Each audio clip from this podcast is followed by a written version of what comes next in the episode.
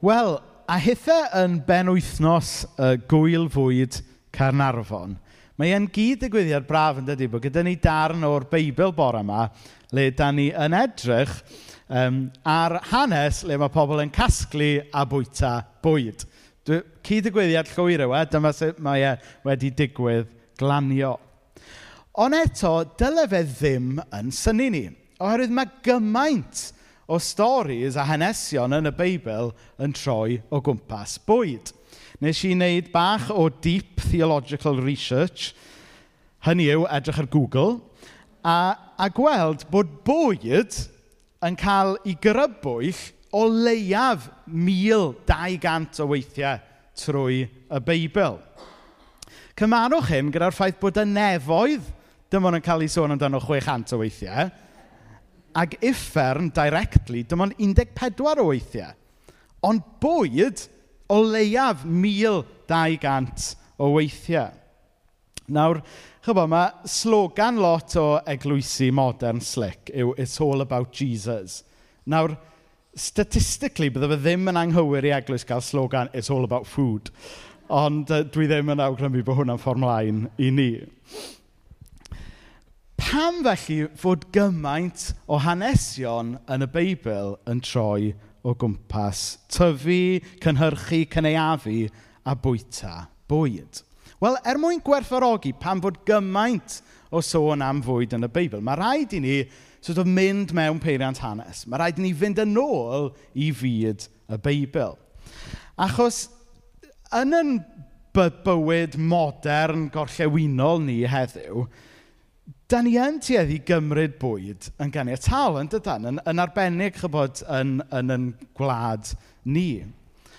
Ond rhywbeth cymharol ddiweddar, nawr mae chi esgusodau fi, dwi'n rhoi het hanes mlaen yn fyny nawr. Rhywbeth cymharol ddiweddar yw yr syniad yma fod digon o fwyd i gael. A mewn rhannau o'r byd heddiw, dyw hwnna dal ddim yn wir. Hyd yn oed yn y wlad yma, Dim ond ers y chwildro diwydiannol mae cynhyrchu a casglu bwyd wedi dod yn rhywbeth sydd yn digwydd ar industrial scale. Tan y chwildro diwydiannol, hyd yn oed uh, mewn gwledydd cyfoethog, oedd pobl yn gorfod byw ar y bwyd oedden nhw'n gallu hel jyst yn i milltir sgwar. Felly mor ddiweddar ar chwildro diwydiannol yn y wlad yma, oedd scarcity bwyd yn reality bob dydd i'r rhan fwyaf o bobl. A mae hwn, wrth gwrs, dal yn reality mewn i'r lot o bobl, os nad mwyafrif o bobl yn y byd heddiw. So mae'n bwysig bod ni ddim yn meddwl bod hwn jyst yn rhywbeth sy'n perthyn i hanes. Ond yn amser y Beibl, yn cymdeithas y, y Beibl, doedd pobl yn arbennig pobl cyffredin ddim yn hollol siŵr lle oedd y pryd nesaf o fwyd mynd i ddod ohono fe. Felly dyna pam oedd gymaint o hanesion yn y Beibl yn troi o gwmpas bwyd. Oherwydd, oedd cael bwyd yn fater um, o, o fywyd. Tybod? Oedd ffeindio eich pryd nesaf o fwyd yn fater o fywyd. Dyma oedd bywyd yn troi o gwmpas, oedd ffeindio eich pryd o fwyd nesaf. A mae'n hawdd i ni anhofio hynny'n dydy, yn ein cymdeithas ni. Hynny yw, mewn ffordd, dwi wrth y modd efo'r gwyl fwyd Caernarfon ac yn blaen. Ond, ond mewn ffordd, mae hwnna'n illustration perffaith o pa mor detached ydy'n cymdeithas ni heddiw o beth oedd lle bwyd yn amser y Beibl. I ni, mae bwyd yn arbennig cydfwyta efo pobl eraill, yn rhywbeth da ni'n rhoi yn y categori y hamdden, yn dyfa, chybod? Ond yn amser y Beibl, oedd e jyst yn reality. O rhaid i ti ffeindio dy fwyd a cydfwyta efo pobl arall, jyst er mwyn survival, ti'n gwybod?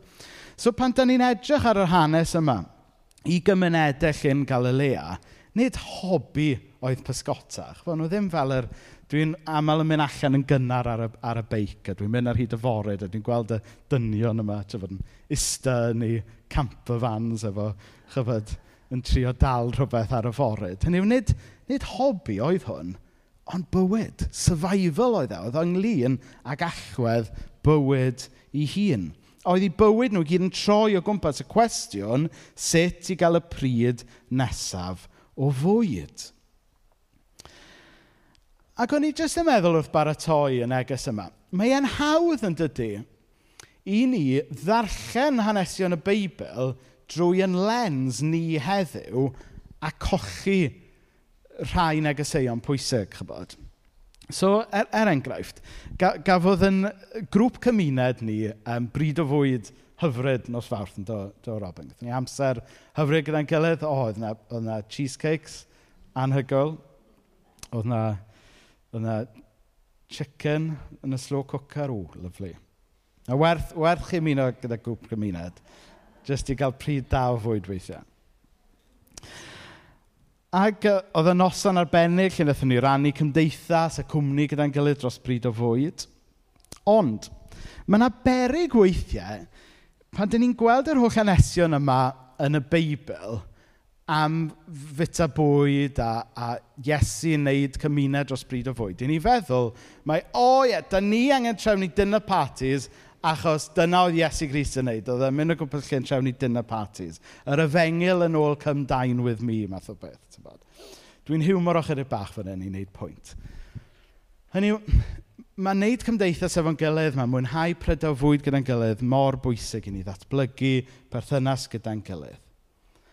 Ond yn amser y Beibl, oedd rhywbeth fwy sylfaenol yn mynd mlaen. Oedd hwn yn fater o fywyd a marwolaeth. Oedd yn fater o survival, le oedd pobl mynd i gael eu pryd nesaf o fwyd.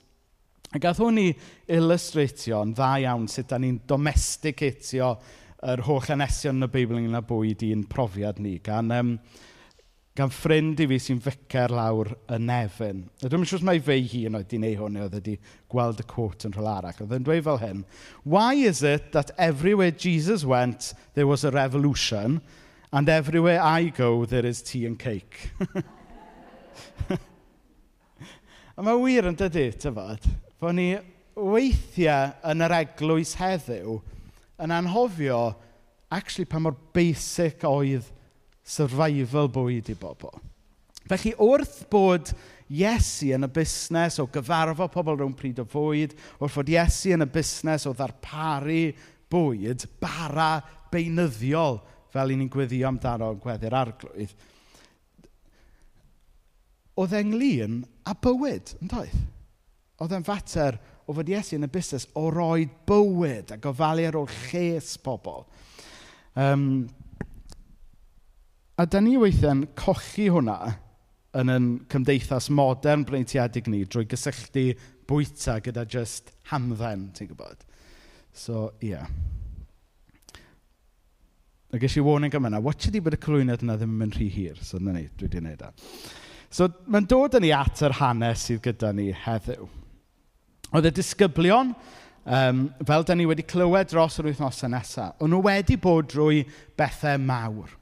O'n nhw wedi gweld Iesu Grist, i ffrind nhw, yn cael ei lusgo trwy Jerusalem ac yn cael ei groeshoelio. O'n nhw wedi mynd trwy'r trwy tywyllwch yn ar y disadwrn o feddwl fod Iesu Grist wedi marw, O'n nhw wedi wedi mynd trwy'r sioc ar llawenydd, ond eto ddim yn siŵr beth i wneud ohono fe o weld Iesu yn atgyfodi. Wedyn oedd Iesu wedi ymddangos iddyn nhw um, sawl tro. O'n nhw wedi bod trwy lot. Felly ni saff ddweud hynna.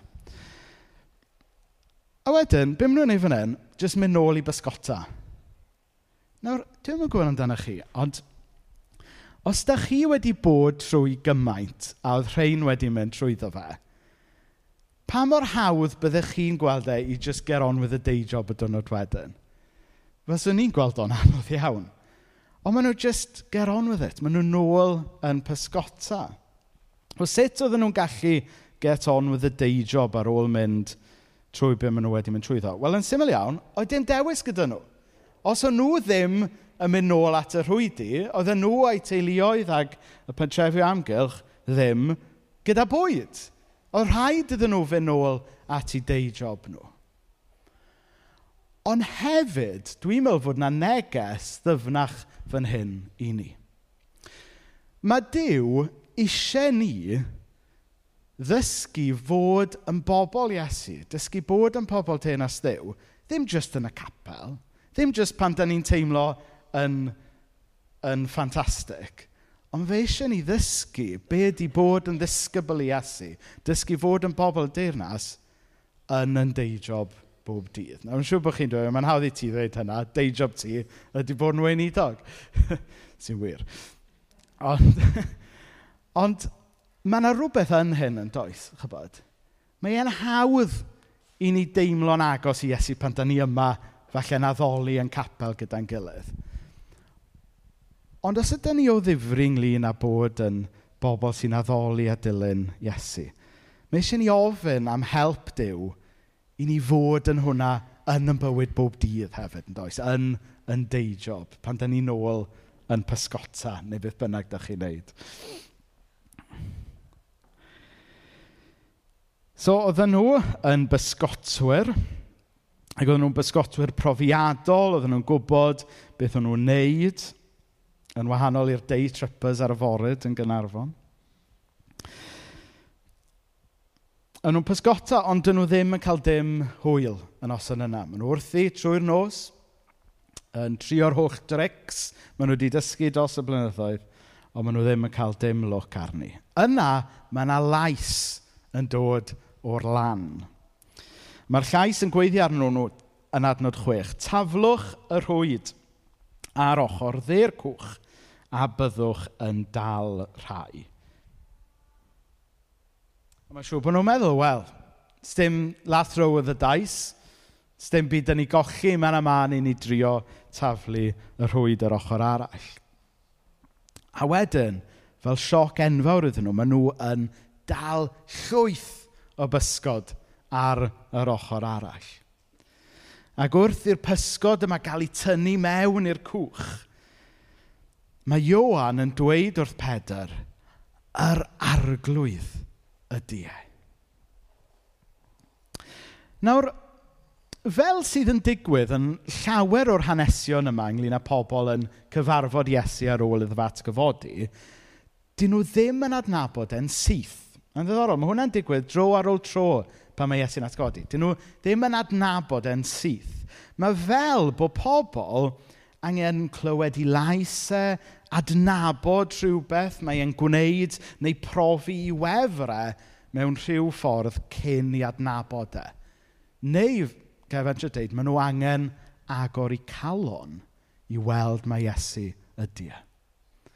A dwi'n meddwl, mae yna rhywbeth, rhyw her yn hwnna'n does. Chybo, da ni, dwi'n meddwl siŵr amdano chi, ond a, i ddeu gwir, mae'n dod yn llai gwir am y genhedlaeth fwy ifanc falle sy'n tyfu fyny yng Nghymru. Ond da ni wastad yn gwybod enw Iesu Grist, dydan. Da ni wedi canu uh, caneuon am Iesu yn ysgol gynradd. Da ni'n ni, gwybod y storis i gyd am Iesu. Mae Iesu sort of, mae fe wastad wedi bod o'n cwmpas ni, dydy. P'nai da ni wedi cael cyfnod yn mynd i capel neu eglwys neu cyfnod ddim. So, da ni gyd kind of meddwl bod ni'n gwybod pwy ydy o math o beth. Ond mae yna wahaniaeth yn does rhwng jyst gwybod am rhywun ac actually adnabod nhw go iawn yn does? Um, Tybo, o'n i'n Um, Un peth bach yn cringe. O'n i'n o'n i'n i ddeud y stori ocê. So o'n i'n ista yn Caffi Galeri gyda gyda Hanna a Paul dydd Iau. Gaethon ni bach o post-bedydd celebration bach. Um, ac ac o'n i'n ista 'na a wedyn un o fy hoff fandiau i pan o'n i'n tyfu fyny, o Tynnal Tywell. Ys rhywun yn cofio Tynnal Tywell? Rhai na ni, Just dim ond arwel, oce. Okay. Mae hwn yn fer, ond na ni, rhai fyny fyna. Oedden no, ni'n bito yna, bito'n bito sausage a bacon. A pwy gerddo mewn, ond Ian Morris, frontman Tynnal Tywell. Ac o'n i bach yn starstruck, tyfo, o'n i fel... O'n i'n, tyfo, oedd Hannah Paul yn siarad gyda fi am pethau rili really pwysig, ond o'n i bach yn distracted ac Ian Morris, Tynnal Tywyll yna. A dwi'n yn siŵr amdano chi, ond chibod os da chi fatha byth wedi fel bwmpio mewn i fatha rhyw celebrity, a da chi'n meddwl bod chi'n adnabod nhw, ond actually, da chi'n mynd adnabod nhw gwbl. da chi'n just yn adnabod nhw trwy just i gweld nhw ar teledu ac yn y blaen a gwrando ar music nhw neu rhywbeth. Ac diolch beth, nes i ddim yn baros o fy hun am mynd i siarad efo ffona, na dim byd. Ond, um, ond beth dwi'n trio deud ydy, mae yna wahaniaeth does rhwng gwybod am rhywun ac adnabod rhywun. A be dan ni'n gweld tro ar ôl tro yn, yn, um, yn yr efengylau ydy pobl yn mynd ar y daith yma falle o wybod am Iesu i wir adnabod o. Mynd ar y daith yma o jyst gweld Iesu, falle admairio fo am pwy ydy o, gweld i wirthio fo, gweld y cariad mae'n dangos, a wedyn bod y geiniog yn syrthio, maen nhw'n agor i meddyliau calon i'w adnabod e go iawn. A mae hwnna'n digwydd dro ar ôl tro, a a a mae hwn jyst yn un stori arall lle mae rhywun ddim wedi adnabod ei ddechrau, ond wedyn mae'r geiniog yn syrthio maen nhw yn gweld mae Iesu yw e. Nawr, sut maen nhw yn adnabod yn y stori yma? Wel, un esboniad ydy, um, mae rhai pobl yn dweud, mae, mae gwirth sy'n cymryd lle fan hyn. Hynny yw, sut byddai um, pysgotwyr profiadol iawn methu dal pysgod? a wedyn, dwy funud wedyn, maen nhw'n dal llwyth o bysgod yn yr union un lle, jyst ochr arall y cwch. So, so, so mae'n bosib bod gwirth wedi cymryd lle, bod rhywbeth supernatural wedi cymryd lle, a bod hwnna yn, yn dangos iddyn nhw, mae nid person cyffredin ydy hwn, ond Iesu Grist. So mae hwnna'n un esboniad. Rhywbeth arall dwi'n meddwl sy'n mynd ymlaen yw, mae'n cysylltu gyda be nath Mari rannu dydd Sul diwetha. Achos dydd diwetha, nath, um, nathwch chi edrych ar hanes le oedd Iesu yn comisiynu y disgyblion, yn sort of um, danfon nhw allan i fod yn llys genhadon, yn ambassadors um, i teirnas ddew yn y byd yma. A, a mae'n dweud, fel wnaethoch chi edrych arno tro diwetha, mae Iesu'n dweud shalom A fel nath Robin atgoffa ni ar y dechrau hefyd, shalom, heddwch. Yn union fel anfonodd y tad fi, dwi hefyd yn eich anfon chi. Ond yn arwydd y cael, fel nath Mari sôn sy'n diwetha, dydy Iesu ddim yn danfon i ddisgyblion allan, sort of, wel, yn unerth ei hunain. Sort of, na ni, go on te, give it your best shot, hope for the best. Dwi e ddim fel yw o, dad's army, Tybod, go out there, gwnewch eich gorau, hope for the best, tybod, newch bach o training wedyn, ie, yeah, na ni, gobeithio fyddwch chi'n oce, okay, a gobeithio byddwch chi ddim yn goffo neu unrhyw beth go iawn, ti'n gwybod. Nid dyna beth yw e. Mae Iesu na addo i ysbryd glân. Oeddech chi'n edrych arno wrth oswetha. Chwythodd arnyn nhw a dweud, derbyniwch yr ysbryd glân. A chi'n gyfarwydd gyda rhai o'r delweddau, bod mae trio byw fel rhywun sy'n dilyn Iesu yn eich nerth chi eich hunan. Fel trio gyrru car heb petrol. A fel trio seiclo can milltir heb gael Weetabix a reis a pasta a popeth arall. Yr ysbryd glân sy'n rhoi bywyd, sy'n rhoi nerth i'r Cristion i fyw fel disgybl iddo fe yn y byd yma. A dwi'n meddwl fod yr hanes sydd gyda ni heddiw yn rhyw brawf gan Iesu i weld os nath nhw ddeall a gwrando go iawn. Achos beth ni'n gweld yw, pa maen nhw'n pysgota yn ei ffordd ac yn ei nerth ac yn y steil nhw, maen nhw'n methu. Dyn nhw'n methu dal yn rhyw bysgod. Ond wedyn, mae Iesu yn rhoi arweiniad iddyn nhw, Mae Iesu'n dweud nhw, rowch y i lawr a triwch wneud e mewn ffordd gwahanol. Triwch wneud e yn fy ffordd i. A wedyn, maen nhw'n chwyddo. Ond dyn nhw ddim jyst yn chwyddo, ond maen nhw'n chwyddo yn enfawr. Maen nhw'n dal dalfa enfawr o bysgod. Chi, dwi'n teimlo, mae un o'r ffyrdd maen nhw'n adnabod Iesu'n yr hanes yma, yw fod nhw'n gweld, o oh, ie, yeah. fi'n ti'n trio dysgu'r un peth i ni mewn ffordd gwahanol nawr. Ti'n trio dysgu ni bod ni angen rhoi yn syniadau ni i lawr, yn ffordd ni i lawr, a cymryd fyny dy ffordd di o fyw. Bod ni angen gwrando ar dy arweiniad di. Nawr, dwi'n gwybod sydd hwnna yn taro uh, nodyn efo rhywun bore yma. Dwi yn aml yn syrthio'r trap yna o feddwl, I've got it all figured out, tyba, bo fi, fi'n gwybod beth i wneud gyda mywyd, allai i just trefnu fe ffordd hyn a bydd e gyd yn iawn. Ac yn aml, di pethau ddim yn troi allan yn iawn, dwi'n blino a dwi'n mynd yn fed up. Ond be o'n i angen wneud oedd roed fy syniadau a fy ffyrdd i i lawr a cymryd fyny ffordd Iesu.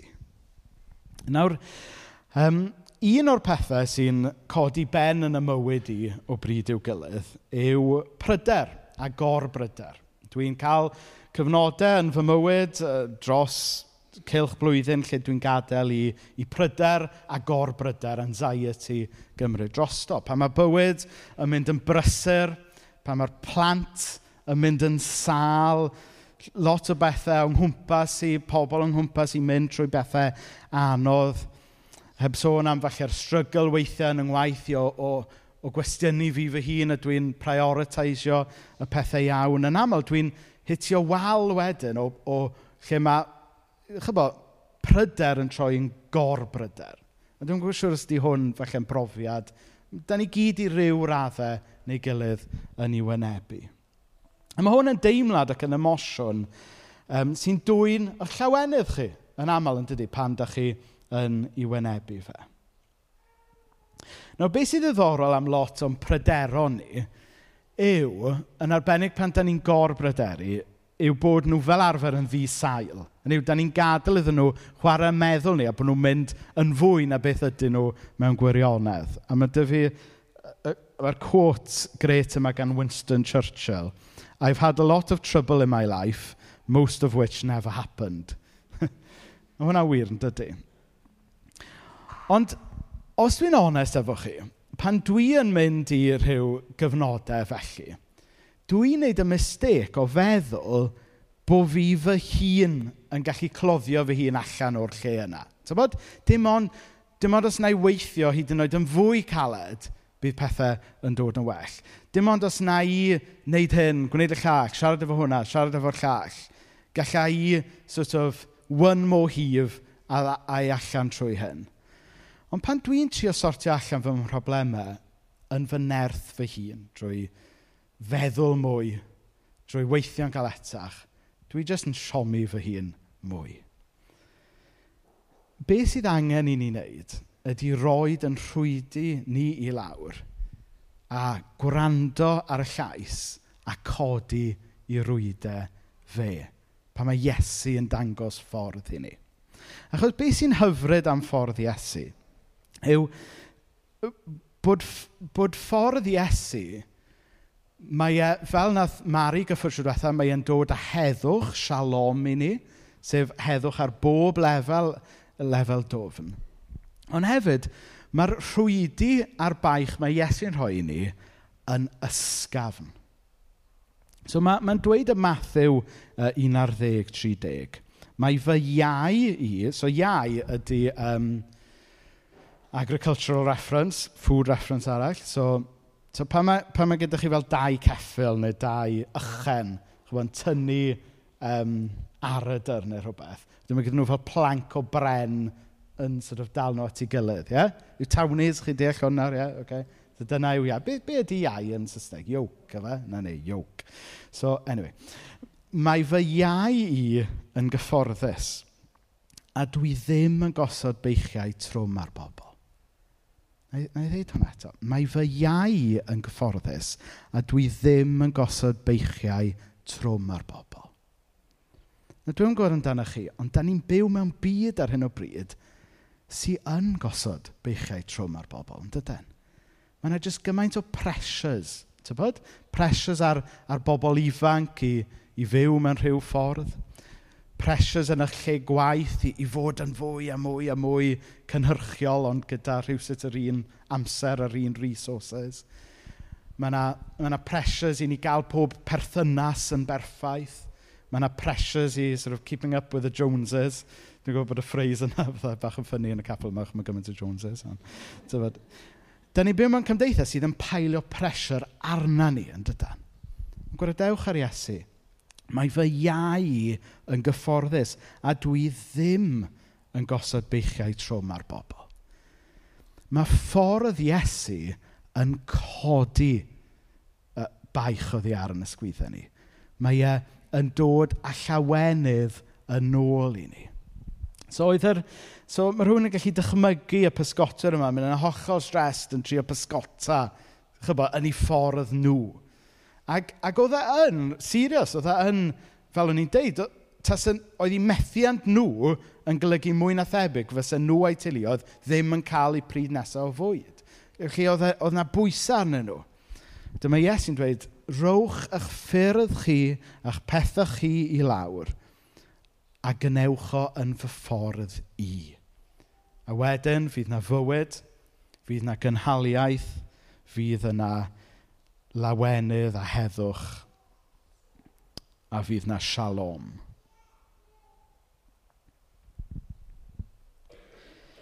Falle fod yna rhywun yma heddiw wedi bod yn byw bywyd, wedi bod yn gweithio'n galed, wedi bod, fel maen nhw'n dweud, running on fumes yn ddiweddar. Falle bod chi wedi bod yn pysgota yn eich nerth chi eich hunan. Ddim yn llythrenol falle, ond chyfod.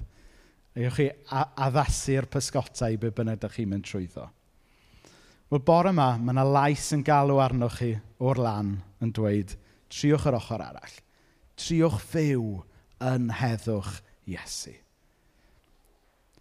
Os oes rhywun yma bore yma falle wedi bod yn, yn cario pethau trwm, wedi bod yn cario pryderon, falle fod yna, falle bod yna feia, falle bod yna bethau anghywir, pethau yn eich bywyd chi. Mae'r Beibl yn galw'n bechod yn dod rhwngtho chi a Dyw ac yn, ac yn gwneud eich perthnasau gyda pobl eraill yn anodd. Rowch ei lawr a derbyniwch y myddeiant a'r iachad mae Iesu yn cynnig i chi bore